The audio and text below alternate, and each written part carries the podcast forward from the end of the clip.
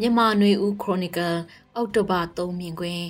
ခက်ပြစ်မှာစင်ရဲချမ်းသာကွာဟမှုကြီးလာတဲ့အနေထားနဲ့နောက်ွယ်ကအကျင့်ပြက်ချစားမှုတွေဆိုတဲ့မုံမခဆောင်းပါကိုဖတ်ကြားပေးပါမယ်။စစ်အာဏာသိမ်းပြီးနောက်တိုင်းပြည်ရဲ့စီးပွားရေးက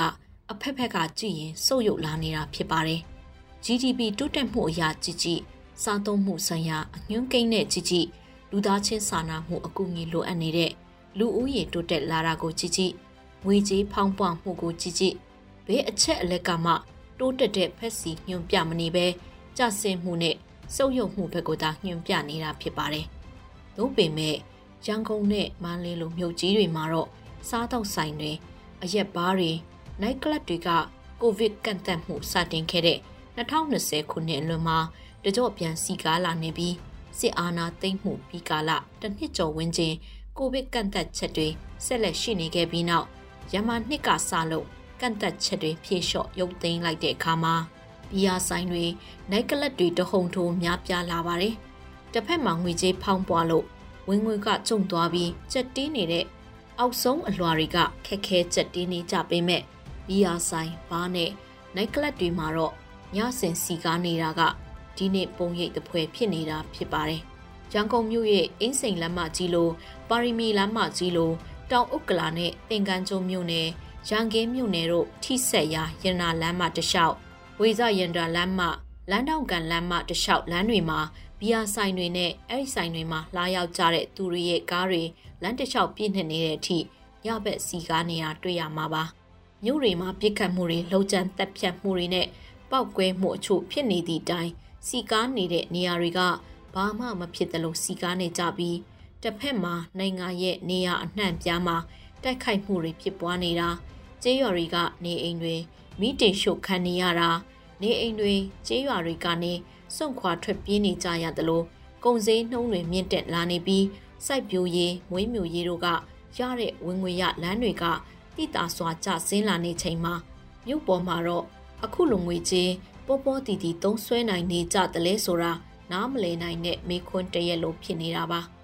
နေမြို့တွေမှာနေထိုင်နေကြသူတွေလက်နက်ကင်တိုက်ပွဲဖြစ်ပွားတဲ့ဒေသတွေရဲ့အလင်းမှာနေထိုင်နေကြရသူတွေအဖို့ရိတ်ခါစေဝါလောင်စာစီစတဲ့ကုန်ပစ္စည်းတွေကို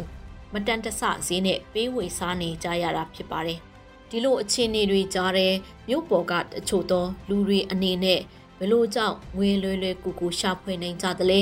ငွေပေါ်ပေါ်တီတီသုံးနိုင်ကြသလဲဆိုတာမိခွန်းတရက်ဖြစ်လာနေတာလည်းဖြစ်ပါတယ်။ စစ်အာဏာသိမ်းပြီးနောက်ခက်အပြစ်မှာလက်စားမှုကရခင်ကထက်၃လေးဆမကမြင့်မားလာနေတာလည်းဖြစ်ပါတယ်။မကြသေးခင်ကဖော်ပြခဲ့ကြတဲ့သတင်းကြီးတစ်ပုဒ်ဖြစ်တဲ့စစ်ကောင်စီတဲ့အဖွဲ့ဝင်ဘိုးချုပ်နှစ်ဦးနဲ့စစ်ကောင်စီဝင်မဟုတ်တဲ့ဘိုးချုပ်ဒိုးဝင်ကြီးစတဲ့သူတွေတစ်ဆက်တစ်ဆက်တည်းဖမ်းဆီးစစ်ဆေးခံရတဲ့အဖြစ်အပျက်ကိုကြည့်ရင်စစ်ကောင်စီလက်ထက်လက်စားမှုဘလောက်မြင့်တက်လာနေသလဲဆိုတာမှန်းဆနိုင်ပါတယ်။စစ်ကောင်စီခေါင်းဆောင်အနီးက သူယုံကြည်ကိုစားတဲ့စစ်ဗိုလ်ချုပ်ကစီးပွားရေးလိုင်စင်တွေအတွက်ပါရမစ်တွေလက်မှတ်ထိုးဖို့ရအတွက်ငွေသိန်းထောင်ချီလက်ယူနေတာတွေ့ရမှာဖြစ်ပါတယ်။စားအောင်စီစည်းမြင့်တက်ခြင်းမှောင်ခိုဖြစ်ရခြင်းကိစ္စဟာဘယ်နိုင်ငံပြင်ပကအကျိုးအကြောင်းတွေကြောင့်မှမဟုတ်ပဲစစ်ကောင်စီထဲကတလွဲစီမံခန့်ခွဲမှုမူဝါဒအလွဲနဲ့လက်စားမှုကနေပေါ်ထွက်လာတဲ့အကျိုးဆက်ရလဒ်ဖြစ်ပါတယ်။အခုလိုစီးပွားရေးဆိုင်ရာကိစ္စရပ်တွေတာမကပဲ နိုင်ငံရေးနဲ့ပတ်သက်တဲ့ကိစ္စရက်တွေမှာပါသက်ဆိုင်တဲ့လုံပိုင်ခွင့်ရှိသူတွေကငွေတသိန်းတသိန်းခွဲကစလို့တိန်းထောင်ချီတဲ့ပမာဏအထိအဆင့်ဆင့်လက်ထိုးပြီးနိုင်ငံရေးနဲ့ဆက်နွယ်လို့တန်တရားရှိလို့ဖမ်းဆီးခံကြရသူတွေပိုင်ဆိုင်မှုတင်စီခံရသူတွေလိုအမှုအများပြားမှာလက်စားမှုတွေရှိနေတာကိုယ်တိုင်ကြုံတွေ့ရတဲ့သူတွေရဲ့ပြောဆိုချက်တွေရှိနေတာဖြစ်ပါတယ်။ဥပမာအားဖြင့်ပြစ်ခတ်မှု ပောက်ကွဲမှုတစ်ခုခုဖြစ်ပွားတဲ့အနီးနားကသူတွေကိုတိမ်ကြုံဖမ်းဆီးသွားတဲ့အဖြစ်အပျက်မျိုးတွေမှာရဲစခန်းတွေဖမ်းဆီးစစ်ဆေးတဲ့အမှုစစ်ဆေးတဲ့လုံခြုံရေးအဖွဲ့အစည်းတွေကပောက်ကွဲမှုနဲ့ပြစ်ခတ်မှုနဲ့မသက်ဆိုင်ခဲ့ရင်တောင်လက်ငွေအနည်းဆုံး8000တသိန်းကနေတက်နိုင်ရင်တက်နိုင်တယ်လို့သိန်းကနနဲ့အထိတောင်းခံကြတာဖြစ်ပါတယ်။အလားတူတစုံတစ်ယောက်ကသတင်းပေးလို့တိုင်ကြားခံရပြီး အကြမ်းဖက်မှုတိုက်ဖျက်ရေးပုံမှန်နဲ့ဆွဆွဲခံရသူတွေထဲကတစ်တီအထောက်ထားမပြည့်စုံတဲ့သူတွေလိုမျိုးဆိုရင်သိန်းဆယ်ကနန်းကနေရာကနန်းနဲ့အချို့ကိစ္စရက်တွေမှာသိန်းထောင်ကနန်းအထိလက်ယူပြီးလှုပ်ပေးကြတဲ့အဖြစ်ပြက်တွေတခုမကရှိနေတာဖြစ်ပါတယ်။အရင်အရင်စစ်အစိုးရတွေလက်ထက်အာဏာရှင်တွေလက်ထက်မှာတော့ကနိုင်ငံရေးနဲ့ဆက်နွယ်တဲ့အမှုကိစ္စတွေမှာလက်ထိုးတာငွေပေးပြီးလွတ်တာမျိုးမကြားခဲ့ဖူးပေမဲ့ အခုစစ်အာဏာသိမ်းပြီးတက်လာတဲ့စစ်ကောင်စီလက်ထက်မှာတော့နိုင်ငံရေးပုံမှန်နဲ့ဖမ်းဆီးခံရသူတွေအများပြားငွေကြေးတောင်းခံတဲ့အတွေ့အကြုံကြုံကြရတာငွေပေးလို့လွှတ်ပေးတာတွေအများပြားရှိနေတာဖြစ်ပါတယ်စစ်အာဏာသိမ်းပြီးနောက်နေဆက်ကုံတွေလမ်းကြောင်းပေါ်မှာရှိတဲ့မြို့တမြို့ကရဲစခန်းမှုဖြစ်သူတယောက်ရဲ့ဝင်ငွေဟာတလကိုသိန်းရာကနတ်အထိရှိနေတယ်လို့ဆိုပါတယ်နိုင်ငံရေးနဲ့ဆက်ဆက်တဲ့ အကြမ်းဖက်မှုနဲ့ဆက်ဆက်တဲ့ဆိုတဲ့တန်တရားနဲ့ဖမ်းဆီးခံရသူတွေထံမှ တောင်းခံလို့ရတဲ့ငွေအခြားသောမှုရဲ့စေမှုလိုရာဇဝတ်မှုခင်းတွေနဲ့ပတ်သက်လို့တောင်းခံရတဲ့ငွေတွေကစခန်းမှုလုပ်သူကစခန်းအဝင်ဝမှာစောင့်တဲ့အဆောင်ရဲကိုတောင်းတလစေသိန်း15သိန်းအထိခွဲဝေပေးနိုင်တဲ့အနေအထားလို့ဆိုကြပါတယ် ဒီလိုလက်စားမှုကိုလွတ်လွတ်လပ်လပ်လုံနိုင်တဲ့အခြေအနေကိုလည်းစစ်ကောင်စီရဲ့တချို့သောလုံခြုံရေးဝန်ထမ်းတွေကသဘောကျနှစ်သက်ကြတာဖြစ်ပါတယ်ဒီလိုခက်ပြက်တဲ့ကာလဘယ်သူမှလူသိရှင်ကြားထုတ်ဖော်မပြောဆိုရဲသတင်းမီဒီယာလည်းလူမသိအောင်နေပြီးသတင်းရေးသားနေကြရတဲ့အနေအထားအောက်မှာလက်စားမှုချစားမှုကတရှိန်ထိုးကြီးတွားလာနေတာဖြစ်ပါတယ်။ဝီသိန်းထောင်နဲ့ချီချမ်းသာတဲ့လုပ်ငန်းရှင်လူမျိုးတွေဖမ်းဆီးခံရတဲ့ အမှုကိစ္စမျိုးတွေမှာဖမ်းဆီးတဲ့ရဲစစ်တပ်စရဖ